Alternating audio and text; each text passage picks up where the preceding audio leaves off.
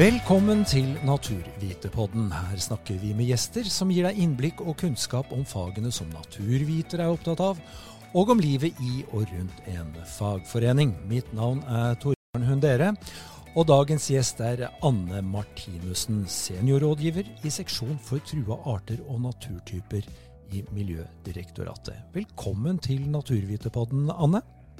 Takk skal du ha. Så flott at uh, du kan uh, bli med oss uh, her i dag. Vi skal nemlig snakke om nordmenns kunnskap og holdninger til dette med biomangfold. Men før vi, før vi begynner der, så, så, er jeg veldig sånn, nysgjerrig på hva du som naturviter jobber med i Miljødirektoratet.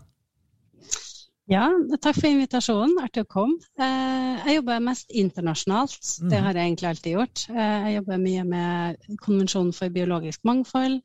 Jeg jobber med Det internasjonale naturpanelet, som er på en måte det samme som klimapanelet, men for naturmangfold. Og så jobber jeg med FNs miljøprogram, så mye utadretta for min del. Wow. Dette er jo veldig spennende greier. Og så vet jeg at du er utdannet eh, tropebotaniker. Fortell litt, hva, hva inneholder det faget? Ja, det, er, det, var litt tilfeldig. Men eh, da jeg begynte å studere biologi, så hadde jeg egentlig ikke lyst til å um, fokusere på fuglelyder på nedskogen og, og, sånne ting. Jeg hadde lyst til å komme litt lenger ut. Mm. Så jeg oppdaga noe som het tropebotanikk. Eh, det hadde de på Universitetet i Århus, så jeg dro dit. Og der fikk jeg gjennom dem så fikk jeg mulighet til å komme ut og gjøre et hovedfag i Senegal. Så jeg tilbrakte noen måneder der i en liten landsby utenfor en nasjonalpark. Og det er litt sånn blanding av antropologi og botanikk det jeg kikka på. Og det var mye mm. om hvordan folk bruker planter, kanskje heller enn hva plantene heter. Mer mm. uh, bruksmessig enn systematikk. Mm. Mm. Og så skjønner jeg det at uh, studiene og faget ditt uh, dro deg ut til det svære afrikanske kontinentet. Du har brukt mye tid der? Ja, det har jeg. Jeg har uh, egentlig alltid fått, uh, ja, vært så heldig at jeg har fått mye jobberfaring derfra og fått vært der mye. Så jeg mm. begynte etter hovedfaget som prosjektkoordinator for et Danida-prosjekt. Danida er jo den danske versjonen av Norad mm. i Burkina Faso. Så jeg bodde i Ouagadougou i tre år. Eh, og var mye ute i felt sammen med lokale kollegaer der. Veldig mm. spennende. Og så kom jeg hjem og var da tropebotaniker med afrikaerfaring og lurte på hvor skal jeg få meg jobb nå. Mm. Eh, men da ble det da seks år i WWF, altså eh, den norske WWF-avdelinga. Og etterpå det fire år i Regnskogfondet. Jeg jobba med urfolksspørsmål og klima- og skoginitiativ i Kongo hovedsakelig. Mm. Eh, og så har jeg vært fire år i eh, FN, eh, altså Forente nasjoner, og jobba med klima- og skoginitiativ på hele, hele afrikanske kontinentet, mm. med base i Kenya, Nairobi. Mm. Så du er godt innforstått hva dette arbeidet som Naturpanelet IPBES eh, har jobbet med lenge, og de rapportene vi har eh, hørt om derfra?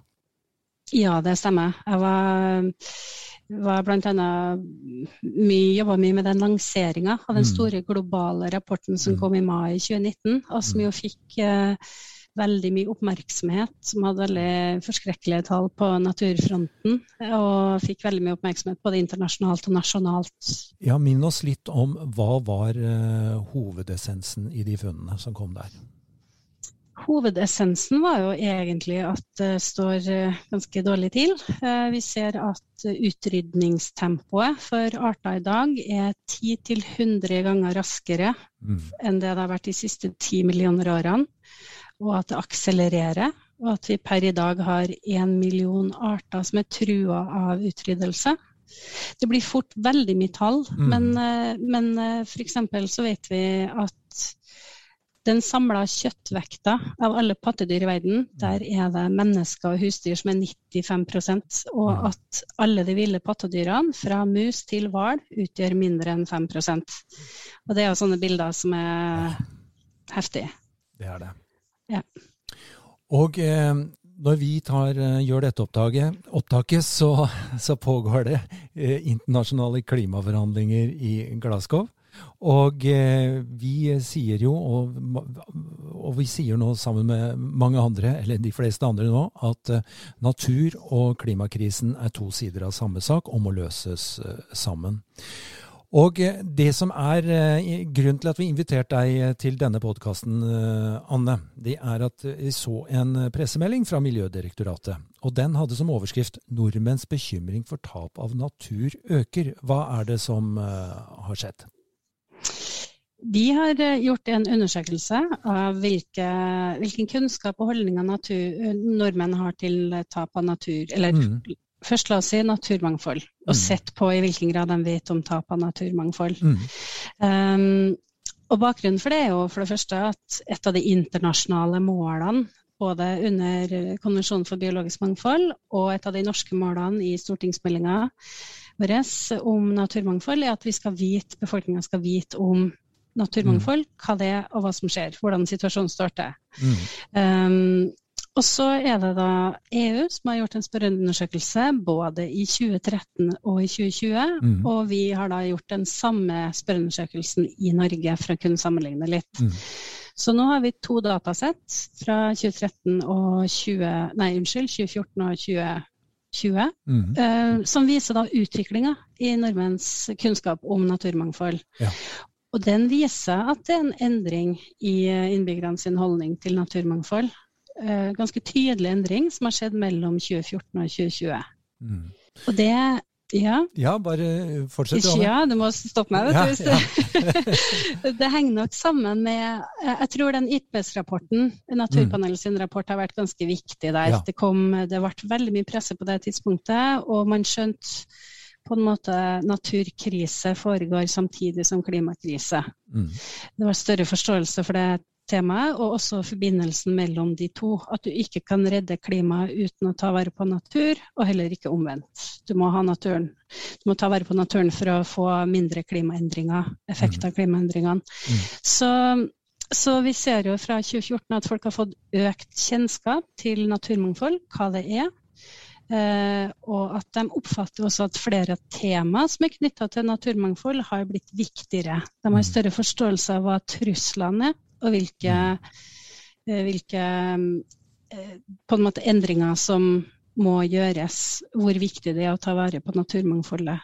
Mm. Og Norge har jo uh, faktisk, er det sammenligna med øvrige land i Europa, så er Norge det landet hvor folk vet mest om naturmangfold og tap av naturmangfold, med unntak av Sverige. Sverige slo oss der, dessverre. Men, men vi vet veldig mye sammenligna oss med resten av Europa. Mm. Hva tenker du om at eh, Hva skal man bruke denne kjennskapen til at eh, folks holdninger og kunnskap uh, endrer seg uh, om dette temaet? Hva kan man bruke det til? Det er viktig for eh, politikere, tenker jeg, å se at det er økt kunnskap om det. Nå har vi, vi går ikke gjennom alle detaljene. i Spørreundersøkelsen den ligger ute på hjemmesida vår, mm. så det er mye som ligger der. Mm. Og det vi også ser, er jo at det er økt støtte støtte for at myndigheter f.eks. bevilger mer penger til å ta vare på natur, at man verner større områder, og at man jobber med fiskeri og jordbruk for å få subsidier som kan bidra til at de motvirker naturtap.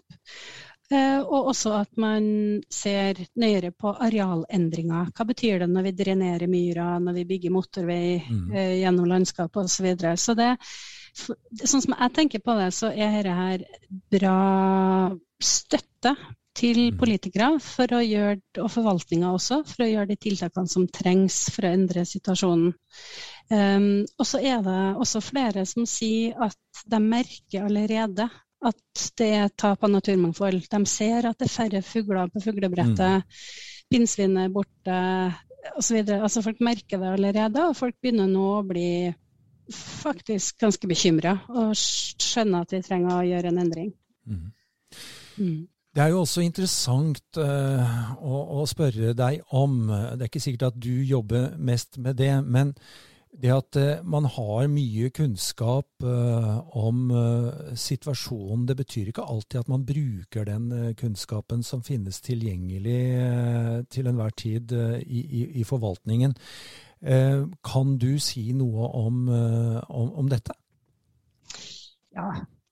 Det er jo en utfordring å få tiltak som gjør en forskjell. Mm. Det kan være upopulære tiltak. Mm. Det er vanskelig å få gjennomført det.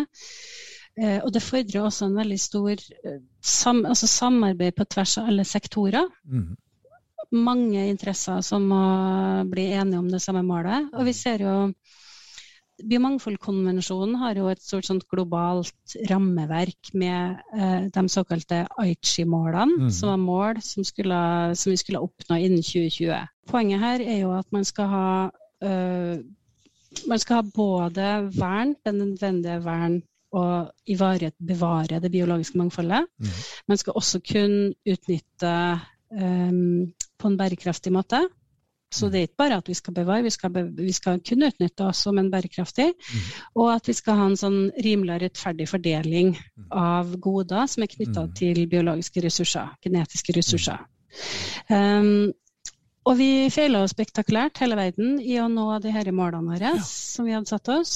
Uh, og når man da går inn og kikker på hvorfor, så er det jo mye det at vi hadde et sånt globalt overordna rammeverk som mm. ikke ble tatt ned godt nok på det nasjonale nivået. Så de mm. ulike landene ikke nødvendigvis brukte dem da de skulle omsette målene til nasjonale forpliktelser. Mm. Eh, og at det i veldig mange land er mangel på diskusjon mellom sektorene. Vi får ikke til den tverrfaglige tilnærminga som man mm. da trenger. Um, og det er jo da, da, så vi har jo kunnskapen. Vi har jo fått masse rapporter, mm. ikke bare den fra IP som er nevnt, men store globale rapporter mm. fra flere hold, eh, som virkelig roper varsko og, og rød kode. Mm. Eh, men å få det nedfelt selvfølgelig og brukt i forvaltninga på de ulike land, er komplisert. Og der er, det, der er det pågående diskusjoner mellom de ulike departementene, for å si mm. det her hjemme, og i alle andre land også. Mm. Og da da tenker jeg Altså, øh, nå snakket vi om at øh, flere nordmenn har øh, mer kunnskap og er, begynner å bli bekymra for tilstanden til eh, det biologiske mangfoldet, sånn som man oppfatter det. Men eh, når man ser hvor utfordrende det er bare å rydde opp i, i, i eget landskap, da, for å si det sånn, egen flora og fauna, så hvordan står det da til uh, i resten av uh, verden i forhold til dette med, med kunnskap og holdninger om biologisk mangfold? Uh, har dere noen oversikt på det også? Ja, vi så jo f.eks. at i skal jeg finne akkurat det tallet i undersøkelsen vår. Vi så jo at for EU samla sett, mm. de 28 landene som var med i den undersøkelsen, mm. så er det bare fire av ti som vet hva begrepet naturmangfold mm. betyr.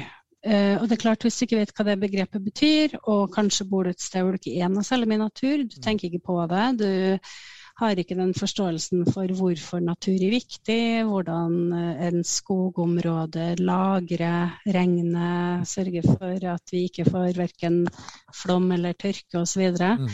Um, så det står nok eh, Jeg tror at folk som lever tettere på, sånn som i Afrika, så ser vi mm. jo flere av de landene jeg jobber der, så ser de jo allerede endringer i eh, regnsyklusene. Mm pga. klimaendringer, som gjør at de ikke lenger vet nøyaktig når skal man plante.